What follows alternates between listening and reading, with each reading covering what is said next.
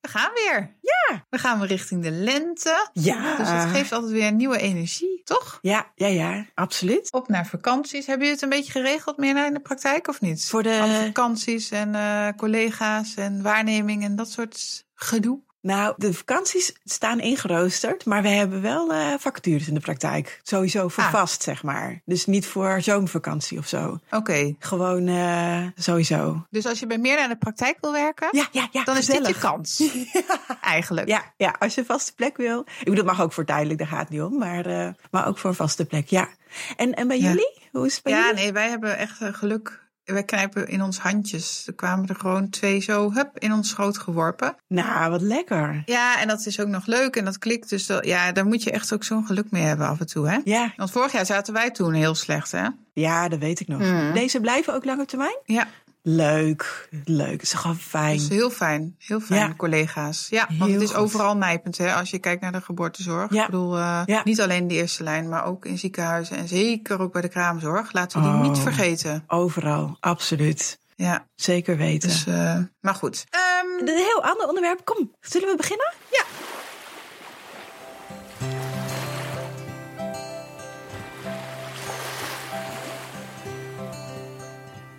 Welkom bij het Verloskundig Baken, de podcast die een podium geeft aan innovatie en vernieuwing in de geboortezorg. wij zijn Kirsten Schatelier. En Mirna Knol. En vandaag gaan we het hebben over de stuit, de stuitligging. Ja, Een aflevering die mooi aansluit, denken wij, hopen wij, op de aflevering over de uitwendige versie, nummertje 42.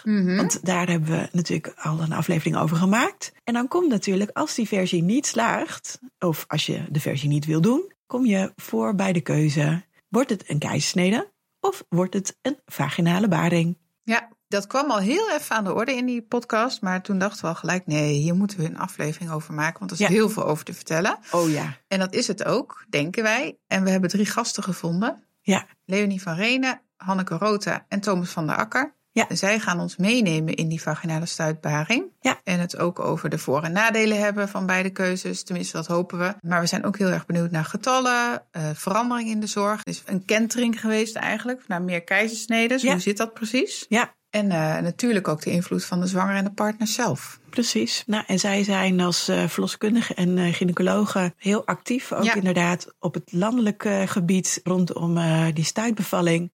Nou, ik eh, denk dat we bij hun antwoorden kunnen gaan halen. Ja, dan gaan we dat doen. Ja, eerst willen jullie nog even bedanken voor ideeën over afleveringen. Of Ja. ideeën voor afleveringen eigenlijk. Die Ja. steeds meer binnenkomen ook. Heel fijn. Leuke ideeën. En als je een keer denkt, oh, die persoon, die moeten jullie spreken. Ja. Of eh, als je een idee hebt, vind het ook heel fijn als je erbij zegt van, goh, maar die of die, die zou er wel eens veel over kunnen weten. Hoef je ze zelf niet te benaderen. hè? Dat- Wij doen dat gewoon als je dat... ja, eh, ja, ja, hoeft helemaal niet. Maar het is altijd leuk om te weten dat je aangedragen bent door iemand, zullen we maar zeggen. ja, precies. En ehm, last but not least natuurlijk toch nog even aandacht voor het doneren. Ja. Ofwel een abonnement afsluiten voor het petje af. Precies. Dat zou heel fijn zijn. Nou, het helpt ons om ons doelstelling te halen voor dit jaar om uit de kosten te komen van de podcast. Mocht je ons willen steunen, heel graag. Met tot nu toe weten we nog steeds de afleveringen te maken zonder ehm, Sponsoring. sponsoring of andere reclameblokjes, et cetera. Dat doen we deels vooral wij sowieso als ehm, hobby, maar eh, onze editor op dit moment ook. En eh, graag zouden we dat eh,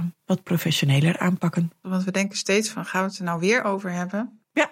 Maar het is toch wel ja, handig en fijn als dat kan. En Ja. ehm, ja, als jullie een kleine bijdrage... Ja, Precies. Ik bedoel, we zitten nu nog geloof ik ergens tussen de eerste 10 en de eerste 20 afleveringen die we nu... eh, en we zitten nu al bij aflevering nummer 53. Dus eh, Yes. helemaal niet verkeerd, denk ik, om te noemen. nee.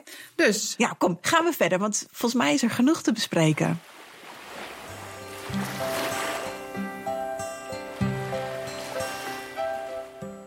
nou laten we doorgaan naar het onderwerp van deze podcast. De stuitbevalling. En we hebben drie gasten die daar heel veel van weten. Leonie, Hanneke en Thomas. Wie kan ik vragen zich als eerste voor te stellen? Niet allemaal tegelijk. Aan te popelen natuurlijk. Leonie, begin. Yes. Mijn naam is Leonie van Renen. Ik ben gynaecoloog in OVG in Amsterdam. En ik ben ooit, toen ik begon als gynaecoloog, daar een jaar of tien geleden, begonnen met meer te leren over stuitbevallingen. Omdat ik me aan het einde van mijn opleiding daar eigenlijk niet klaar voor vond om in mijn eentje stuipbevallingen te begeleiden. En dat heeft Mhm. zich uitgerold totdat ik zelf er ook les over ben gaan geven, onderzoek naar ben gaan doen, contacten internationaal erover heb. En daarom ben ik heel veel bezig met stuipbevallingen. Mooi, leuk. Ik ben Hanneke Roodwijk, ik ben klinisch verloskundige in het Rode Kruisziekenhuis in Beverwijk. Ik heb jaren ontwikkelingssamenwerking gedaan in afwisseling met ehm, steeds tussendoor een aantal jaar in de eerste lijn werken. Mhm. De laatste 15, 16 jaar werk ik eh, dus klinisch. Ja, en ik vind het heel gaaf om ja, de combinatie van pathologie en fysiologie. En daar waar vrouwen een medische indicatie hebben, te kijken waar we zoveel mogelijk mensen eh, natuurlijk kunnen laten baren. Oké. Nou, en daar hoort onder andere de stuitbevalling ook bij. Mooi streven. Nou, Thomas, dan mag jij als eh, laatste. Ik ben, eh, Thomas van der Akke, ik ben gynaecoloog, perinatoloog. Ik werk in het Leids Universitair Medisch Centrum. En daarnaast ben ik hoogleraar Global Maternal Health aan het Athena Instituut van de Vrije Universiteit. Mooi. En we hebben voor onze gasten altijd een allereerste vraag. En die vraag die luidt, hoe ben je voor het eerst met de geboortezorg in aanraking gekomen? Misschien nu goed om het rijtje precies andersom te doen, dat jij het begint, Thomas? Ja, nou voor het eerst met de geboortezorg was eh, toen ik een opleiding was tot, toen heette het nog tropenarts. Inmiddels is het arts internationale gezondheidszorg en tropische geneeskunde. De hele mond vol, zeg. Ja, Ja, hè? ja. Ze hebben het wat ingewikkelder gemaakt, maar tropenarts klonk een beetje ouderwets en iets wat koloniaal misschien. Mhm. En altijd is een beetje de vraag waar de tropen beginnen en ophouden. Maar eh, Ja. arts internationale gezondheidszorg, nou ja, daar is over het algemeen als onderdeel van dat je een jaar eh, verloskundige gynaecologie doet. Mhm. Toen had ik nog op geen enkele manier het idee dat ik ooit gynaecoloog zou worden. Ik wilde vooral heel graag een ervaring op een andere plek dan Nederland eh, hebben. Mhm. Eigenlijk pas toen ik in Malawi, want daar kwam ik uiteindelijk terecht, ben gaan werken, is echt het vuur voor de verloskunde ontstaan of losgekomen. Omdat ik ja, op de verloskamers in mijn ziekenhuis, in Cholo Hospital, Mhm. ver van de stad, op de verloskamers allerlei dingen beleefde die ik eh, fascinerend, leerzaam, soms ook frustrerend en ingewikkeld vond. Maar waar ik, eh, ja, waar ik eh, met veel plezier en passie eh, gewerkt heb. Oké, mooi. Hanneke?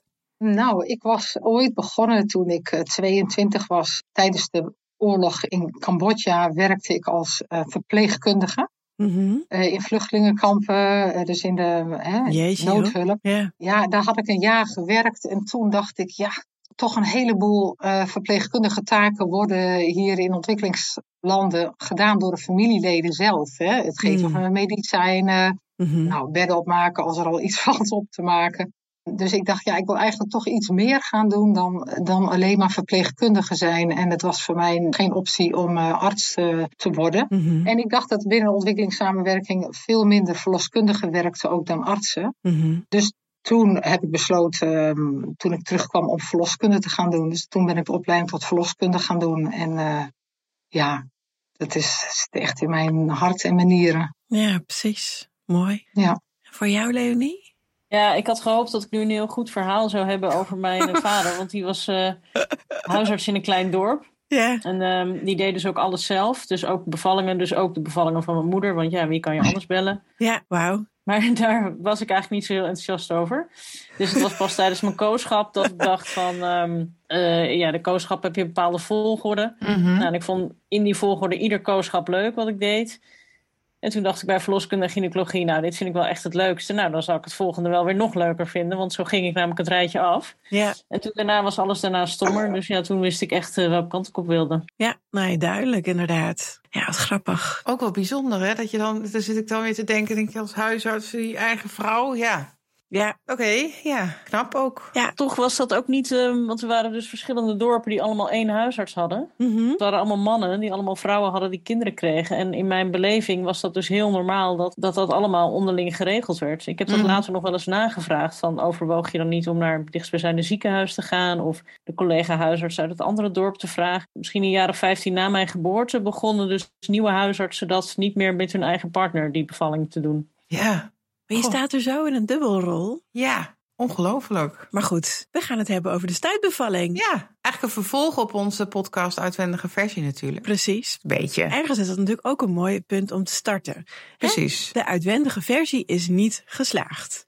En dan? Ja, nou, Hanneke heeft sowieso altijd een mooi verhaal over haar continuïteit van zorg. Dat heb ik uit mijn eigen omgeving helaas wat minder. En ehm, als de versie niet geslaagd is en je gaat iemand counselen over de bevalling, is altijd het eerste wat me opvalt, is dat mensen vaak best wel een idee al hebben over Ja, hè? wat ze wel of niet willen. En Ja. ook behoorlijk eh, risico-inschatting hebben over die stuitbevalling. Ja, Dus daar- daar moet je best nog wel even mee praten om dat wat reëler te zien. ja. Wat zeg je dan in zo'n gesprek? Ja, wat ik dan zeg, in eerste instantie toch wel een geruststelling. Mhm. Dus dat welke keuze je ook maakt voor een vaginale stuitbevalling of een keizersnee, de grootste kans is dat je er zelf en je kind gezond uitkomt.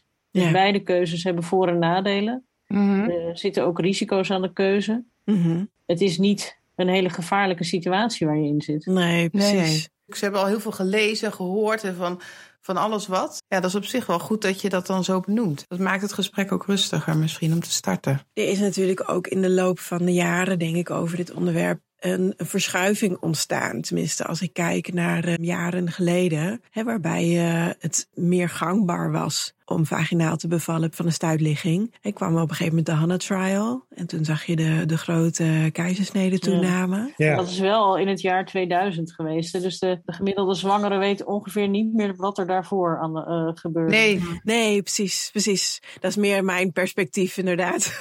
nee, maar dat is wel fascinerend. hè. Als je ehm, in een eh, groep studenten vraagt, wat ik dan wel eens doe, Mhm. wie lag er in stuit en eh, hoe ben je geboren? Ja, De meerderheid ehm liep dan nou gewoon langs de normale weg. ja, En eh, tegenwoordig, als je het vraagt, zijn de meeste studenten per keizersnee geboren die eh, in stuitligging eh, lagen zelf. ja, precies. Nou, en dan hebben we het daarover. En het is natuurlijk fascinerend dat die, die Hannah trial die je noemt, Mhm. ja, dat dat zo'n enorme verschuiving heeft veroorzaakt in de verloskunde. Eén trial die zo'n verschil heeft gemaakt, dat Ja. is uitzonderlijk. Ja, hè? Na nu nog zo'n ehm, nou, 15 tot 20 procent pogingen tot vaginale baring. En dan zeg ik Mhm. misschien nog optimistisch, die 20 procent. 10, 15 jaar is dat zo min of meer stabiel. Het stijgt niet echt of het daalt niet echt.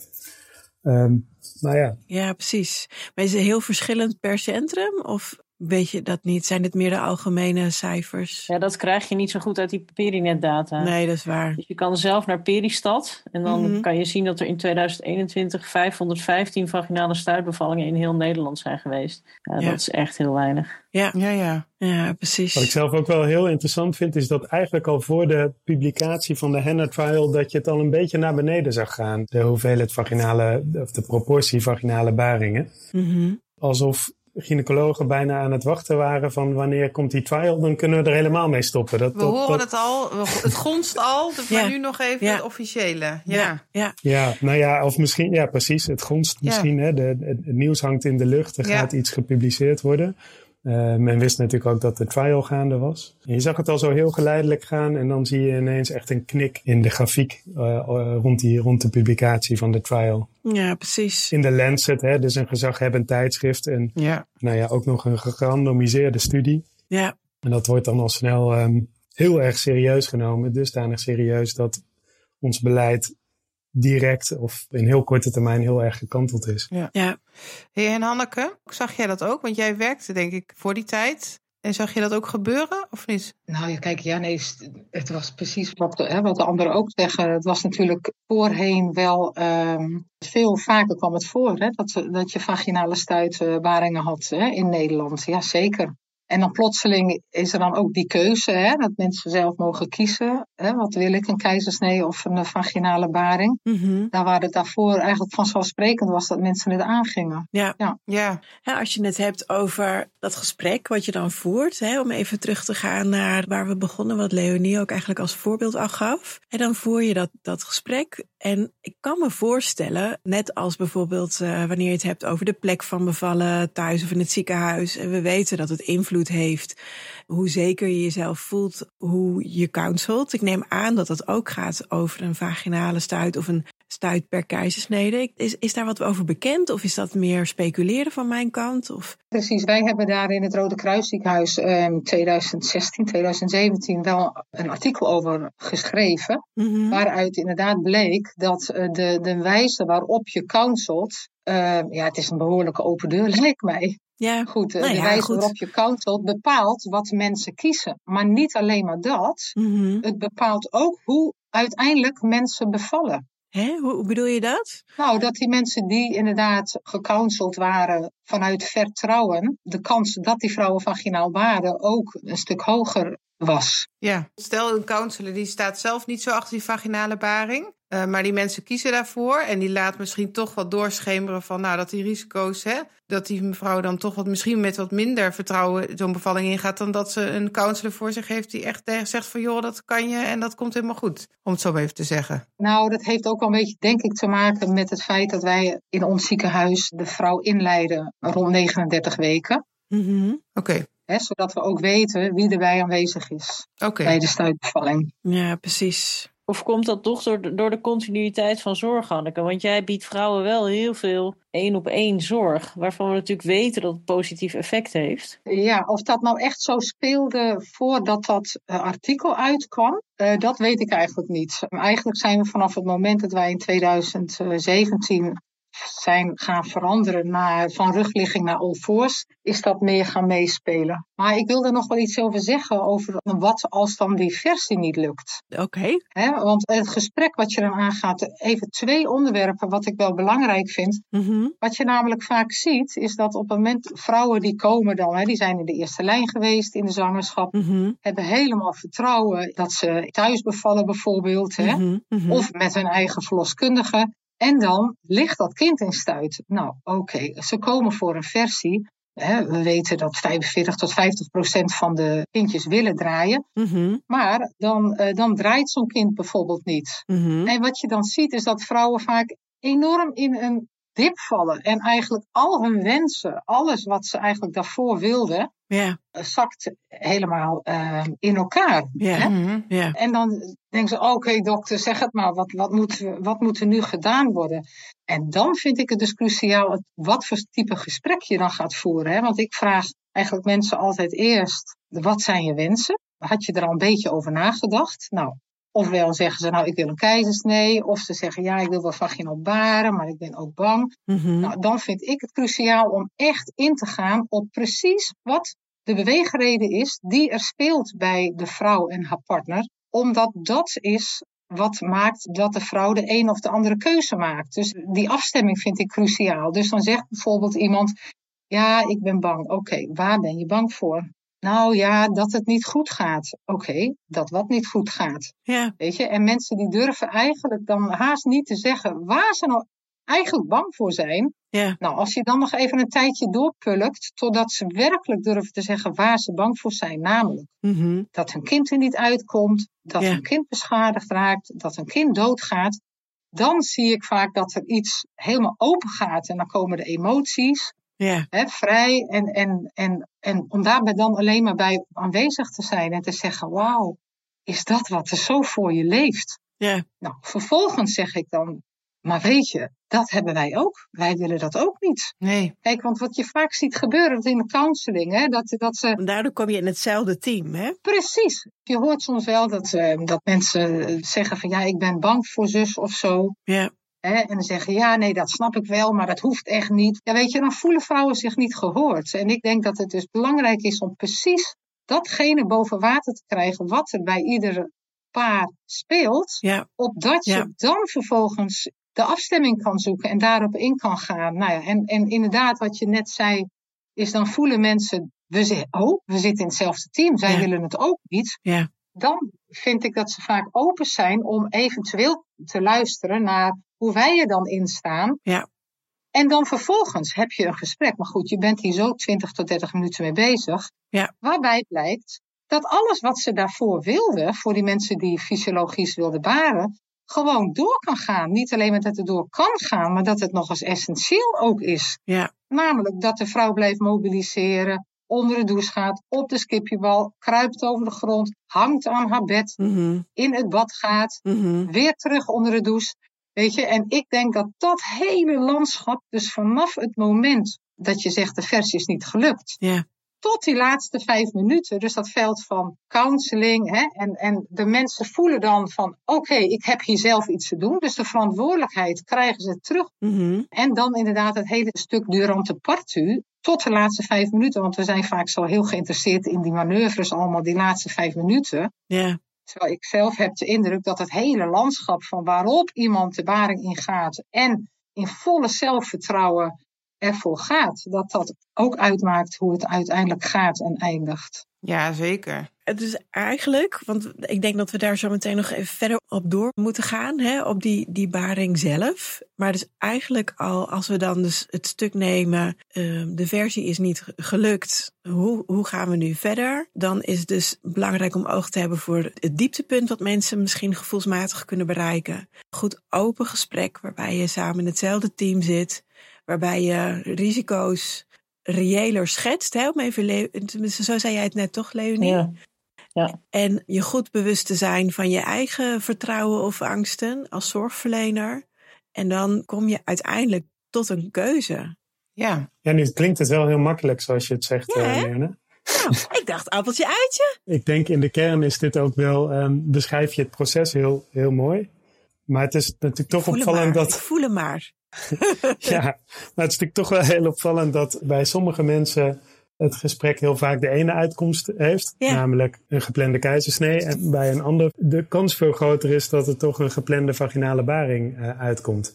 En nou ja, daar proberen we van alles aan te doen met allerlei kaarten en richtlijnen en, Mhm. en zo. En populatieschema's misschien en zo. Ja, al dat soort dingen. Mhm. Maar natuurlijk, in de kern speelt het vertrouwen van de zorgverlener eh, in dat gesprek ook een belangrijke rol. Vertrouwen in zichzelf en eh, in de kansen op een goede uitkomst. ja, En dat voelen mensen natuurlijk ook haarfijn aan. ja. Ja, Ehm, zeker. Maar als je dat vertrouwen nou niet hebt Als zorgverlener. als zorgverlener. Ik bedoel, moet je dan zeggen, beter niet bij mij op het spreekuur of op de poli? Nou, in ieder geval beter niet bij mij bevallen, moet je dan zeggen. Ja, precies. Beter niet bij mij bevallen. Oké. Oké. En, en dan dus inderdaad inleiden allemaal, zodat je kan plannen wie de dienst heeft? Ja, ik denk dat we dat niet zo goed weten. Dus in Beverwijk zijn er hele goede ervaringen mee. Er Mm. zijn ook wel ziekenhuizen waar je ehm, een collega kan bellen als er een stuit op de verloskamers ligt. Dan gaat het vaak om dat laatste stukje, dus om alleen die uitdrijving en eventueel handelingen die je daarmee moet doen. Ja, ja, dus hoe je het organiseert, dat is nog een beetje lastig. Maar Ja.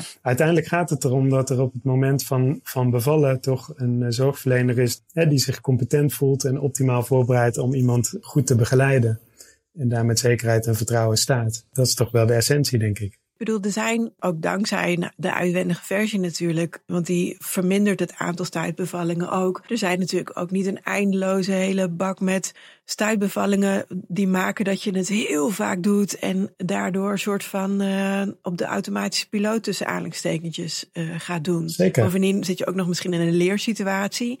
Heb je een artsassistent die je het dan moet laten doen. Ja, Ehm, Ja, zeker. Zekerheid en vertrouwen betekent ook dat je je eigen grenzen eh, kent, hè, denk Ja. ik. Dat je, ehm, Zelfreflectie. dat je stuk. weet wanneer het wel verstandig is of niet verstandig is om een vaginale bevalling aan te gaan. Mhm. Ehm, of wanneer je moet zeggen, nu, nu is het geen veilige situatie meer. Hè, bijvoorbeeld een langdurige baring waarvan we weten dat het toch een belangrijke voorspeller is voor een slechte uitkomst.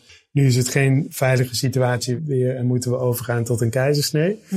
En zeker eh, in een situatie eh, van een opleiding ja, is dat ook extra belangrijk om ook die grenzen helder te stellen en, en bespreekbaar te maken. Precies, en te leren. Ja, zeker. En je hebt helemaal gelijk dat dat eh, niet zo heel makkelijk is voor AIOS in deze tijd om, om aan voldoende blootstelling aan de vaginale stuitbevalling te komen, denk ik, op veel plekken. Ja. En het lastige daaraan is dat het dus ook ingewikkelder is voor mensen om er ja, met, met zekerheid en vertrouwen eh, te staan op het moment ehm, hè, dat je zelf de begeleider bent van zo'n vrouw. ja. ik heb een artikeltje geschreven, Bit en AIOS erover. En hebben we allemaal AIOS ondervraagd over hoe zeker ze zich voelen aan het eind van een opleiding over de vaginale stuitbevalling. Mhm. En daar komt inderdaad uit dat heel veel mensen nog niet het gevoel hebben dat ze dat alleen kunnen. Dus dat lukt ons niet in de opleiding. En ik denk wel, ehm, wat eh, Hanneke en ik vrij consequent doen, is alle uitdrijvingen filmen. Dus echt het laatste stukje filmen van die bevalling. Oh ja. En we hebben dus een behoorlijke dataset aan films al. Ja. En dat is natuurlijk anders dan in het echt. Maar het is echt wel heel leerzaam om dat terug Ja. te kijken. ja, Om te zien zeker. hoe, een, hoe het normaal gaat, welke handelingen je doet. Ja. Welke handelingen wel werken, welke niet werken. Ja. En ik denk echt dat filmen echt wel een toekomst heeft in de opleiding. Ja, En we ja. doen het nu bij stuiten, maar als ik zie wat ik daarvan kan leren, dan zou ik eigenlijk denken van dat ik ook andere bevallingen en operaties moet filmen. Ja. Want je kan zo rustig terugkijken en je handelingen allemaal zien en Even stilzetten. Ja, ja. ja, je weet is wel veel een beter goeie. wat er gebeurt.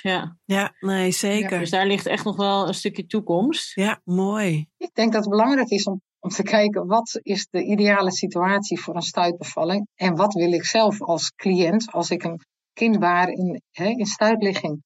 Dan wil ik dat degene die mij begeleidt, dat hij de basisbekwaamheid in dat gebied beheerst. En inderdaad, eh, de stuitbevalling is niet iets wat dagelijks gebeurt. Mhm. Dus als je echt wil dat je een vaginale stuit in veilige, competente handen plaats kan vinden, dan is het wellicht onrealistisch te bedenken dat je gelijke competentie kan hebben onder alle gynaecologen. Ja, hoe regel je dat? En ik kan me voorstellen dat film inderdaad een, een interessant is. En ik vind ook een heel interessante opmerking. Ik weet eigenlijk niet meer wie het nou zei.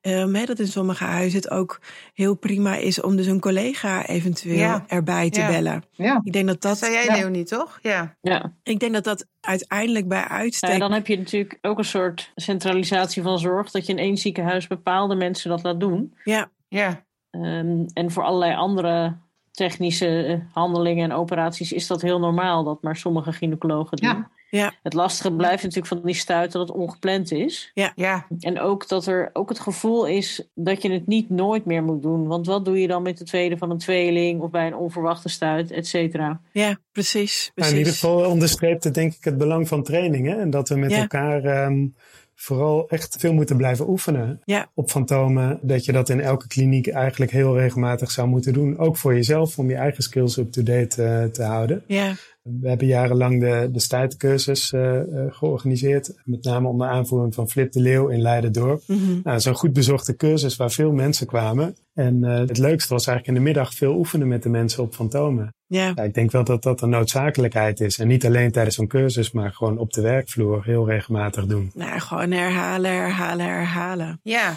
En wat maakt voor jullie nou het doen van zo'n vaginale stuitbevalling heel erg leuk? Hoe maken jullie je collega's enthousiast om het juist dat vaginale baren van die stuit weer te promoten? Of promoten is misschien een, g- een heel groot woord, maar wel eh, wat meer. Ja, dat is lastig, hè, want echt promoten wil ik het ook weer niet. Nee, dat want snap ik Mensen ook. mogen een eigen keuze Ja. maken. En ik kan ook niet zeggen doordat, doordat we trainen of doordat we willen gaan centraliseren, dat we alle kans op een slechte start of asfixie of zelfs sterfte tot nul kunnen reduceren. Want dat, dat kunnen we ook niet. Nee. Mhm. Maar waarom vind jij het leuk om te doen? Ja, nou, 9 van de 10 keer is het echt een eitje van een bevalling. Sta je gewoon hands-off ernaar te kijken. Oké. ik denk dat in de beleving van veel mensen is het juist een heel ingewikkelde bevalling. En wat dus leuk is, en dat, dat kost je veel moeite. Dat, namelijk, dat kost je heel veel tijd om bevallingen te zien en filmpjes terug te kijken. Ja. Van hoe gaat die normaal en wanneer kan ik gewoon rustig afwachten. Ja. En om te leren in te schatten hoe snel een stuitbevalling of hoe snel een stuit eruit komt. Ja. Ik moet zeggen dat ik ook niet dat gevoel heb van dat het gevaarlijk is. Ik sta daar echt al met vertrouwen. En volgens mij komt dat dus door dat eindeloze gefilm en terugkijken. Ja. Ja, precies. Ja, ik vind het vooral heel leuk dat het, ehm, het herinnert mij altijd toch een beetje aan het ambacht van obstetricus. Weet je, dat je, weet je, ja, gewoon je, je, je, je ogen en je handen gebruikt. Ehm, Ja. Dat is ooit waarom ik ehm, in Malawi dit een heel mooi vak ben gaan vinden. Dat je op basis van je klinische inschatting en ook van je vaardigheid Mhm. kunt proberen een goede uitkomst te bewerkstelligen voor moeder en kind. En dat komt allemaal samen in, in zo'n stuitbevalling. Ja, Het is mijn eer ten na dat we dat niet meer zouden doen. Voor het overgrote deel zijn het geweldige bevallingen. ehm, En, en de mensen die daar in deze tijd voor kiezen, zijn natuurlijk over het algemeen mensen die, de- hè, die daar dan echt gemotiveerd voor zijn. Ja. En het zijn vaak hele leuke, fijne ervaringen, ook voor de zorgverlener. Alhoewel ik ook wel een paar hele vervelende stuitbevallingen meegemaakt. En ja, toch ook altijd ontzag voor zo'n stuitbevalling. Mhm. Hè, over het algemeen zijn het goede En ervaringen. Hanneke, voor jou? Nou, precies. Ik wil inderdaad ook beginnen te zeggen, ben ik eens met wat Leonie eh, net zei. Eh, Het is bij ons ook wel echt essentieel dat de mensen er helemaal achter staan. Als mensen zelf toch twijfel hebben en of niet gemotiveerd zijn of bang zijn, dan liever niet. Dat in de eerste plaats. En dan in het tweede jaar, wat ik er zo gaaf aan vind, wij zijn eh, zelf geïnspireerd in ons ziekenhuis door Frank Lauwen. Mhm. En wij kennen allemaal eh, de brachtmethode. Hè? In Frankfurt deed hij eh, al jaren gewoon begeleidde hij stuitbaringen, maar in rugligging.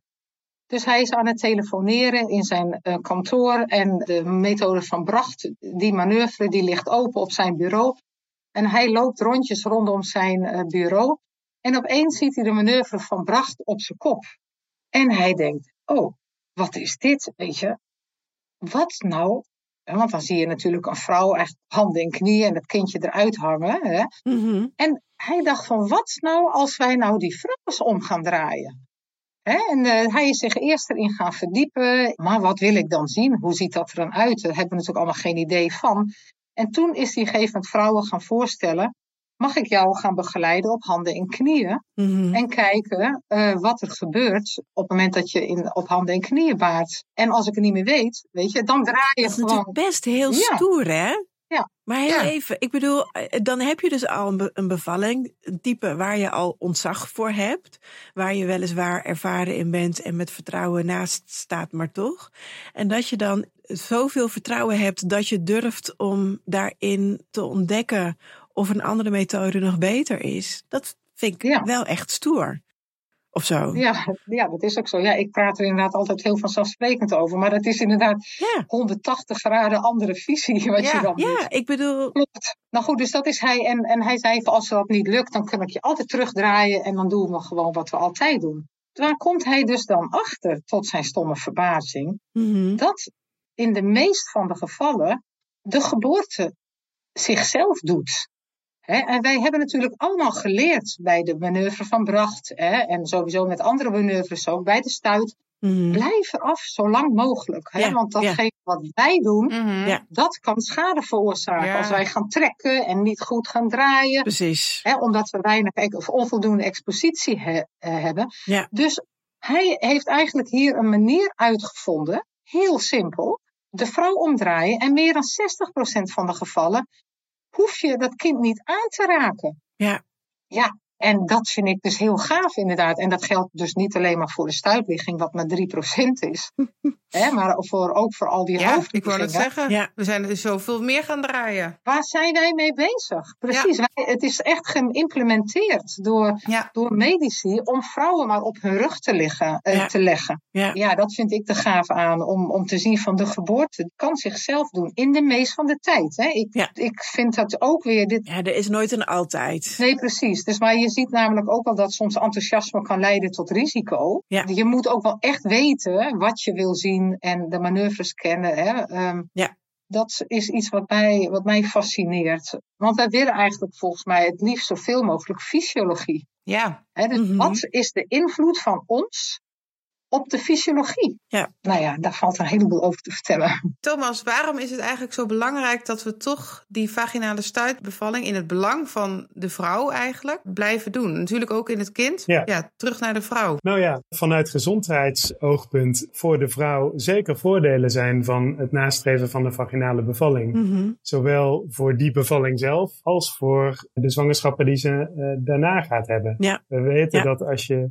vaginaal bevalt, dat ook je zwangerschappen daarna een grotere kans hebben op een betere uitkomst. Precies. Hè, dus ook nog eens voor toekomstige kinderen is het van voordeel. Ja. En is dat het seksuele teken waar we het dan eigenlijk over hebben? Ja, het seksueel litteken en de gevolgen daarvan. Precies. En dat is in die initiële eh, HANA-trial, in de initiële resultaten, hè, dat ging alleen maar over de korte termijn uitkomsten voor dat ene kind, die natuurlijk ook ontzettend belangrijk zijn. Ja. Maar daarin zijn de lange termijn uitkomsten en de uitkomsten voor de moeder grotendeels over het hoofd gezien. Ja. En ook de uitkomsten van broers en zussen van dat kind eh, wat in stuitligging lag. Ja, precies, precies. Maar daar kwam dus ook die tweede trial daarna, waarbij het een beetje rechter werd getrokken, of die nuancering, toch? Nou ja, Als ik me goed herinner. Ik weet niet zeker of je op een trial doet, maar misschien bedoel je op de getallen van eh, die Floortje Flemings heeft uitgezocht uit Perinet. Dus een aantal collega's hebben gekeken naar wat zijn nou de uitkomsten geweest nadat ons beleid rond eh, de stuitbevalling zo, eh,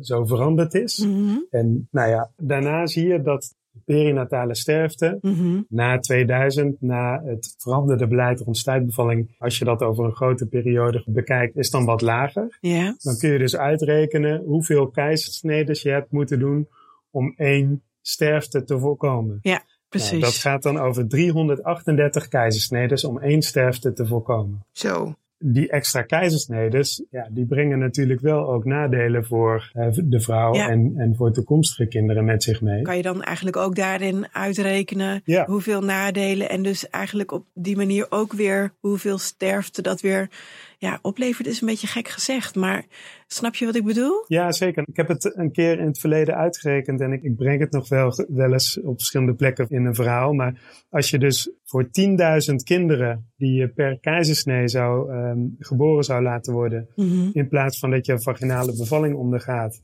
heb je ongeveer 25 ernstige acute maternale morbiditeiten die je ervoor terugkrijgt. Mm, Waarvan Oké. een enkele vrouw ook zou kunnen gaan overlijden. ja. Ja. En van die 10.000 baby's die dan geboren wordt per keizersnee, red je dan in de eerste zwangerschap, red je dan ongeveer eh, 26 kinderen. Ja. Maar als vervolgens die mevrouw dan nog een keer zwanger wordt na die keizersnee, Ja. dan verlies je, met name door de uterusruptuur, Ja. van die 10.000 verlies je er weer 27. Oh, Dus het, de winst die je boekt in Ja. de eerste zwangerschap voor dat eerste kind, Ja. die doe je als iemand nog meerdere kinderen wil, eigenlijk al in de volgende zwangerschap, doe je die al teniet. Ja. Als je tenminste daarna, na zo'n eerdere keizersnee, een vaginale baring aangaat, wat we in Nederland nog steeds een goed idee vinden. Ja. Je kan ook zeggen, dat doen we niet meer. Doen we eh, once a Caesar, always a Caesar, zoals eh, sommige plekken in de Verenigde Staten geldt. ja. Maar ja, dan gaan die maternale problemen, die problemen voor die moeder, die gaan dan alleen nog maar exponentiëler stijgen. Ja. De problemen met het litteken, het verkeerd ingroeien van de placenta Ja. in het litteken bijvoorbeeld. Ja, precies. En ik wil nog even toevoegen aan Thomas, dat we zijn natuurlijk als verloskundige zorgverleners heel erg gericht op die volgende zwangerschap. Ja. Maar die mevrouw heeft natuurlijk nog een heel leven voor zich, waar Ja. ze ook op basis van haar seksueel litteken, gynaecologische problemen of Mhm. beklevingen in de buik of operatieproblemen als ze iets anders krijgt of moet ondergaan. Weet je, het- Ja. Ja, natuurlijk zijn die risico's klein en je komt heus wel gezond uit je keizersnee, want dat is in de meeste gevallen zo. Maar die baby komt er in staat ook in de meeste gevallen gezond uit. ja, ja, precies. Nou ja, en je hebt natuurlijk ook nog risico's op de gezondheid van het kind in de toekomst, die nu per seksio is Ja. geboren geworden. Hè? Je hebt eh, een grotere kans op astma, eh, andere infecties waarvoor kinderen opgenomen moeten worden. Ja, precies. Het, het vaginaal geboren worden is gezonder ook, zeg maar, voor een kind. Ja, Bedoel ja. je? Ja, ja, Ja, en als je gaat kijken wat al die sectio's, eh, wat dat ook allemaal kost in Nederland. Er is wel een evaluatie geweest tien jaar na de Turn Breeds trial, Mhm. ook in Nederland, waarin duidelijk is geworden wat, de- wat de consequenties zijn geweest. Op, inderdaad, wat Thomas en Leonie net zeggen, op de gezondheid van de moeder.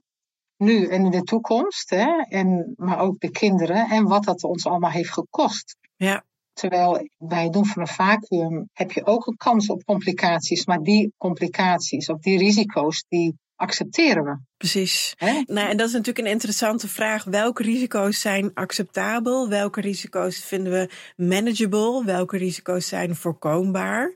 Ja. uiteindelijk kiezen we er inderdaad voor om niet de hele goede gemeente per keizersnede geboren te laten worden. Omdat dat dus ook nadelen Geen heeft. goed idee is. ja. Ja, ja, Ja, nou ja, ik- dat illustreert voor mij de, de, de casus van de stuitbevalling, zou ik maar zeggen. Dat de korte termijn eh, uitkomsten zo heel erg belangrijk zijn geworden Ja. in onze wereld, waarin de medico-legale Ja. druk op, op een heleboel mensen toch, toch als hoog ervaren wordt. ja, dat zeg De je mensen mooi. denken, ja, als het nu niet goed gaat, dan, dan heb ik een groot probleem. Ja, En dat gaat dan ten koste van de langere termijn uitkomsten ja, en ten koste van de zeldzamere, ernstige uitkomsten voor de moeder. ja, Eh, terwijl die vanuit gezondheidsperspectief natuurlijk evengoed heel erg belangrijk zijn. ja. Ja. Maar die worden toch minder meegewogen. Ja. Ehm, Door ouders zelf ook. ja, kijk, het beroemde is natuurlijk dat dat uit die Turn Breach Trial, uit de tweejaars evaluatie daarna, Mhm, waren de uitkomsten van die kinderen helemaal niet meer beter. Nee. Ehm, ja. ehm, maar dat was iedereen al vergeten, omdat eh, of- of, eh, of dat kreeg veel minder aandacht dan de aanvankelijke trial-uitkomst. ja. Omdat dat zo'n schokkende ja, eh, boodschap was eigenlijk. En dat is de trial En- waar en- ik net op doelde.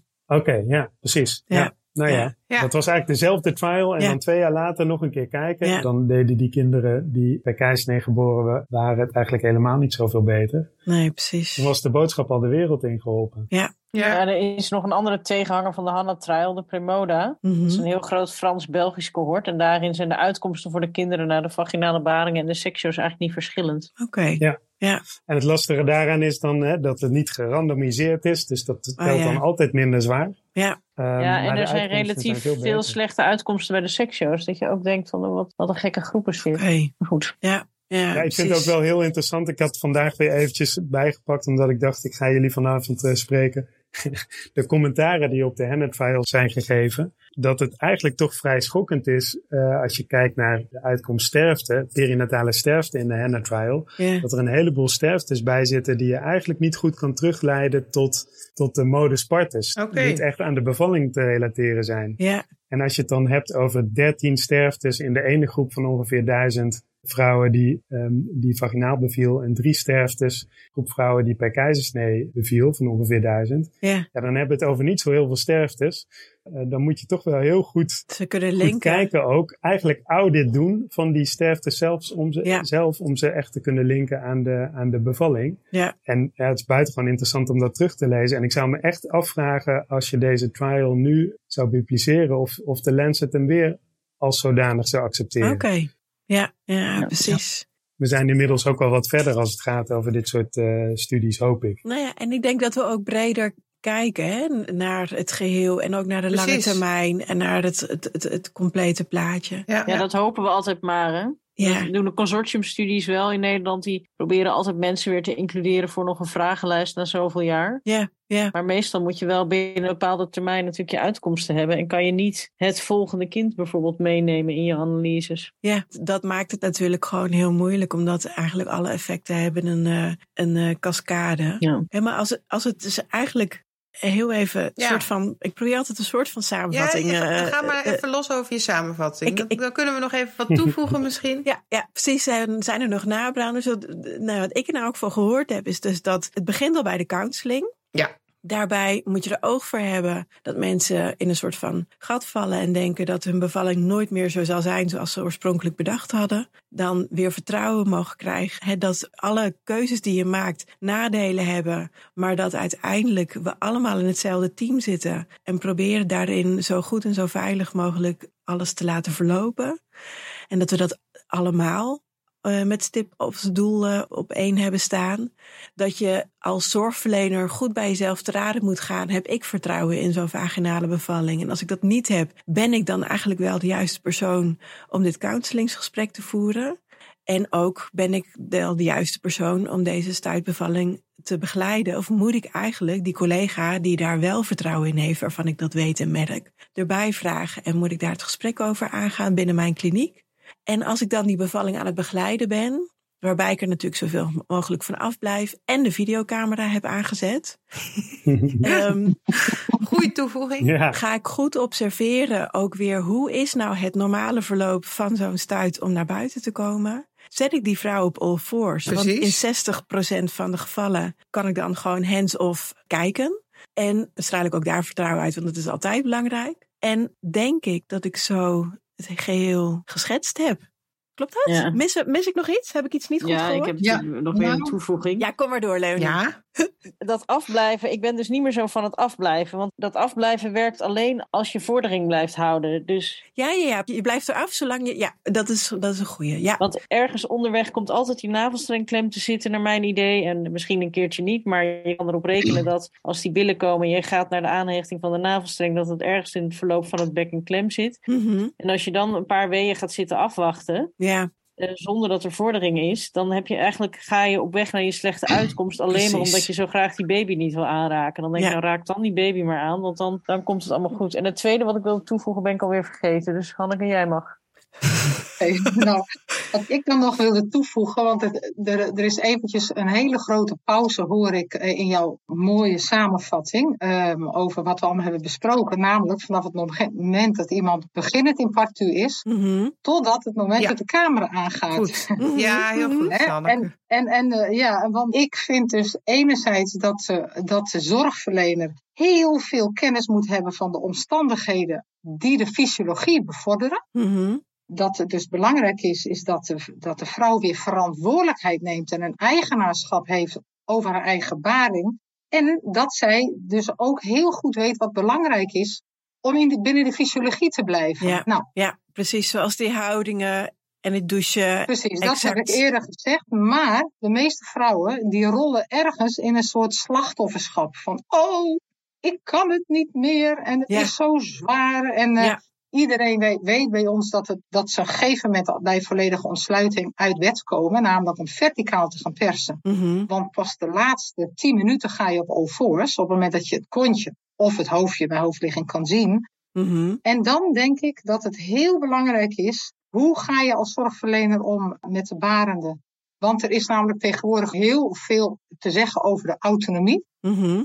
Hè, ja, maar de mensen zijn autonoom en, die moeten, en, en die mevrouw die wilde gewoon op haar rug blijven liggen en die mevrouw wilde niet uit bed. Mhm. Mhm. Maar die mevrouw die heeft eerder gezegd, dit is wat ik heel graag verlang. Ja. En durante de storm van haar baring vergeet ze dat soms. ja, nee, dan ben jij En als dan- zorgverlener om daaraan te herinneren, toch? Precies. Mhm. En dus ik denk dat het dan belangrijk is hè, om niet te zeggen, ja, en nu sleur ik je toch uit bed. Maar hè, even die Iets mevrouw andere uit, bewoordingen misschien. uit bed motiveren Mhm. en haar vragen, wat gebeurt er nu bij je? Ja. En dan zeggen mensen, ja, als ik ga staan voel ik echt zoveel druk.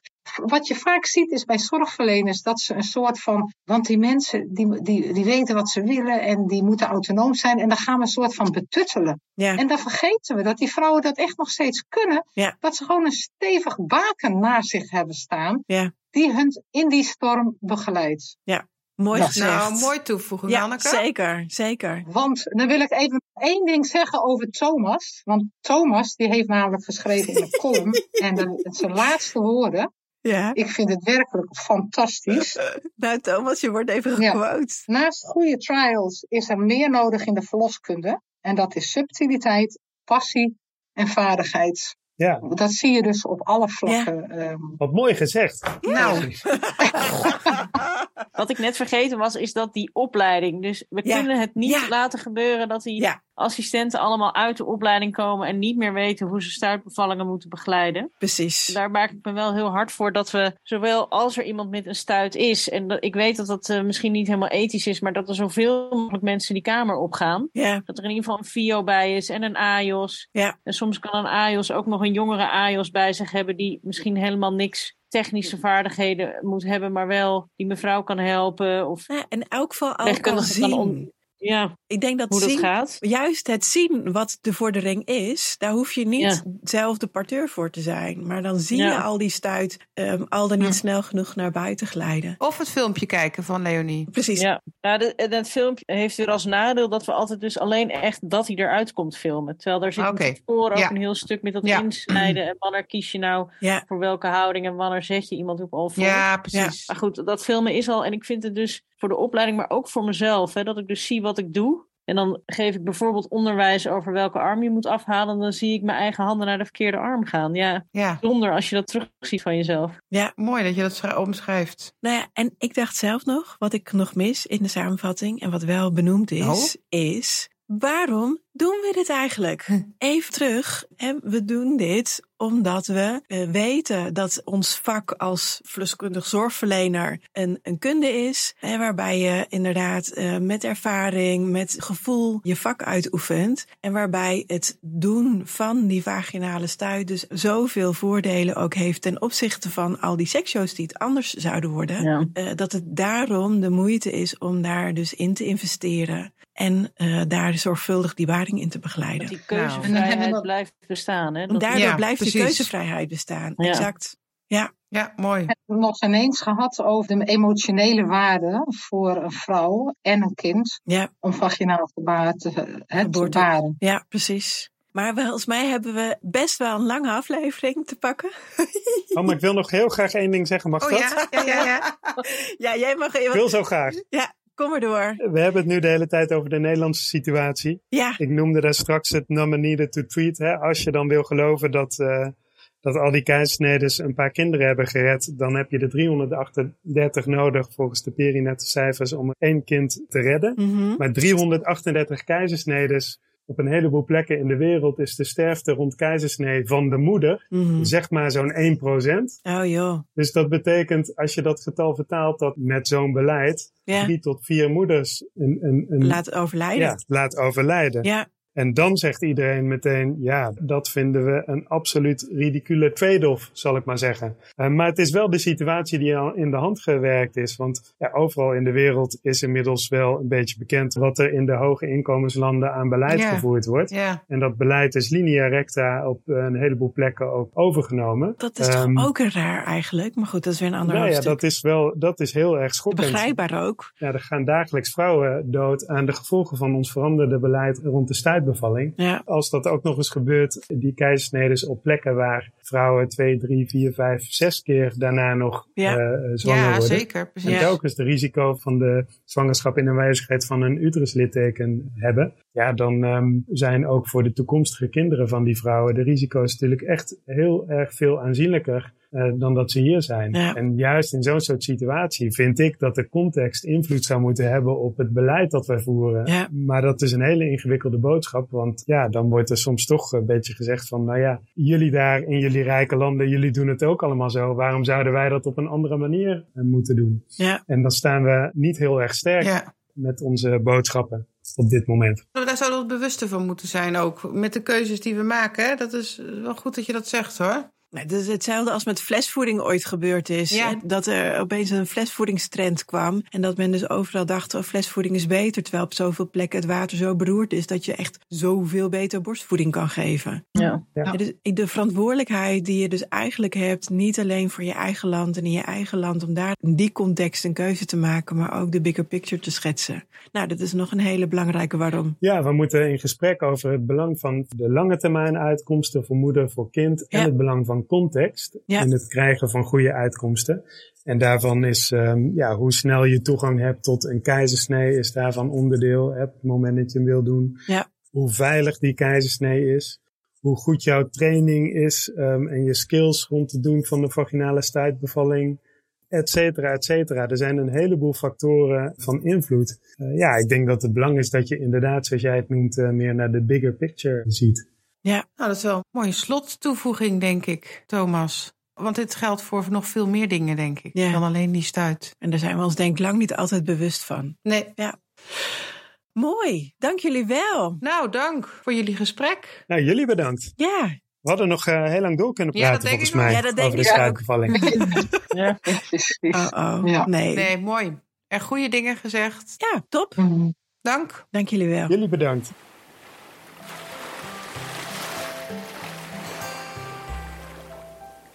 Leuk. Zo, Heel veel informatie. wat een eh, echt super. Ja, hè? Ik vond het echt leuk. Ja. Want ik dacht, oh ja, vertel nog meer. Maar ja, een een lekker keer moeten we open. ophouden. Ja, maar gewoon, en weet je, alles kwam gewoon aan bod voor mijn Ja. gevoel. Ja, heel goed. Ja, leuk. Dankjewel, Leonie en Hanneke en Thomas. Ja, en eh, dank aan eh, onze technische ondersteuner Joost Dikker-Hupkens, die er weer eh, een mooie aflevering van geknipt heeft. Precies. En natuurlijk Karika van Hemert, Jolanda Liebrechts, Rachel Rijntjes, Esther Feijen de Jong, Marlo Dankers, Manon Vriezen en Suzanne Uit de Waal. Ja, onze klankbordgroep. Ja, altijd plek voor nog meer mensen. Ja hoor, meld u maar.